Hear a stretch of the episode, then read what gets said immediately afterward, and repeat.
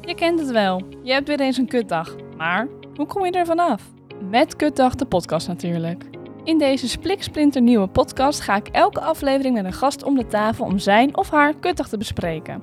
Deze kutdagen gaan we dan vervolgens ontleden en minder kut maken door middel van cognitieve gedragstherapie. Een veelgebruikte methode om negatieve gedachten om te schakelen en zo die kutdag toch iets positiever in te zien.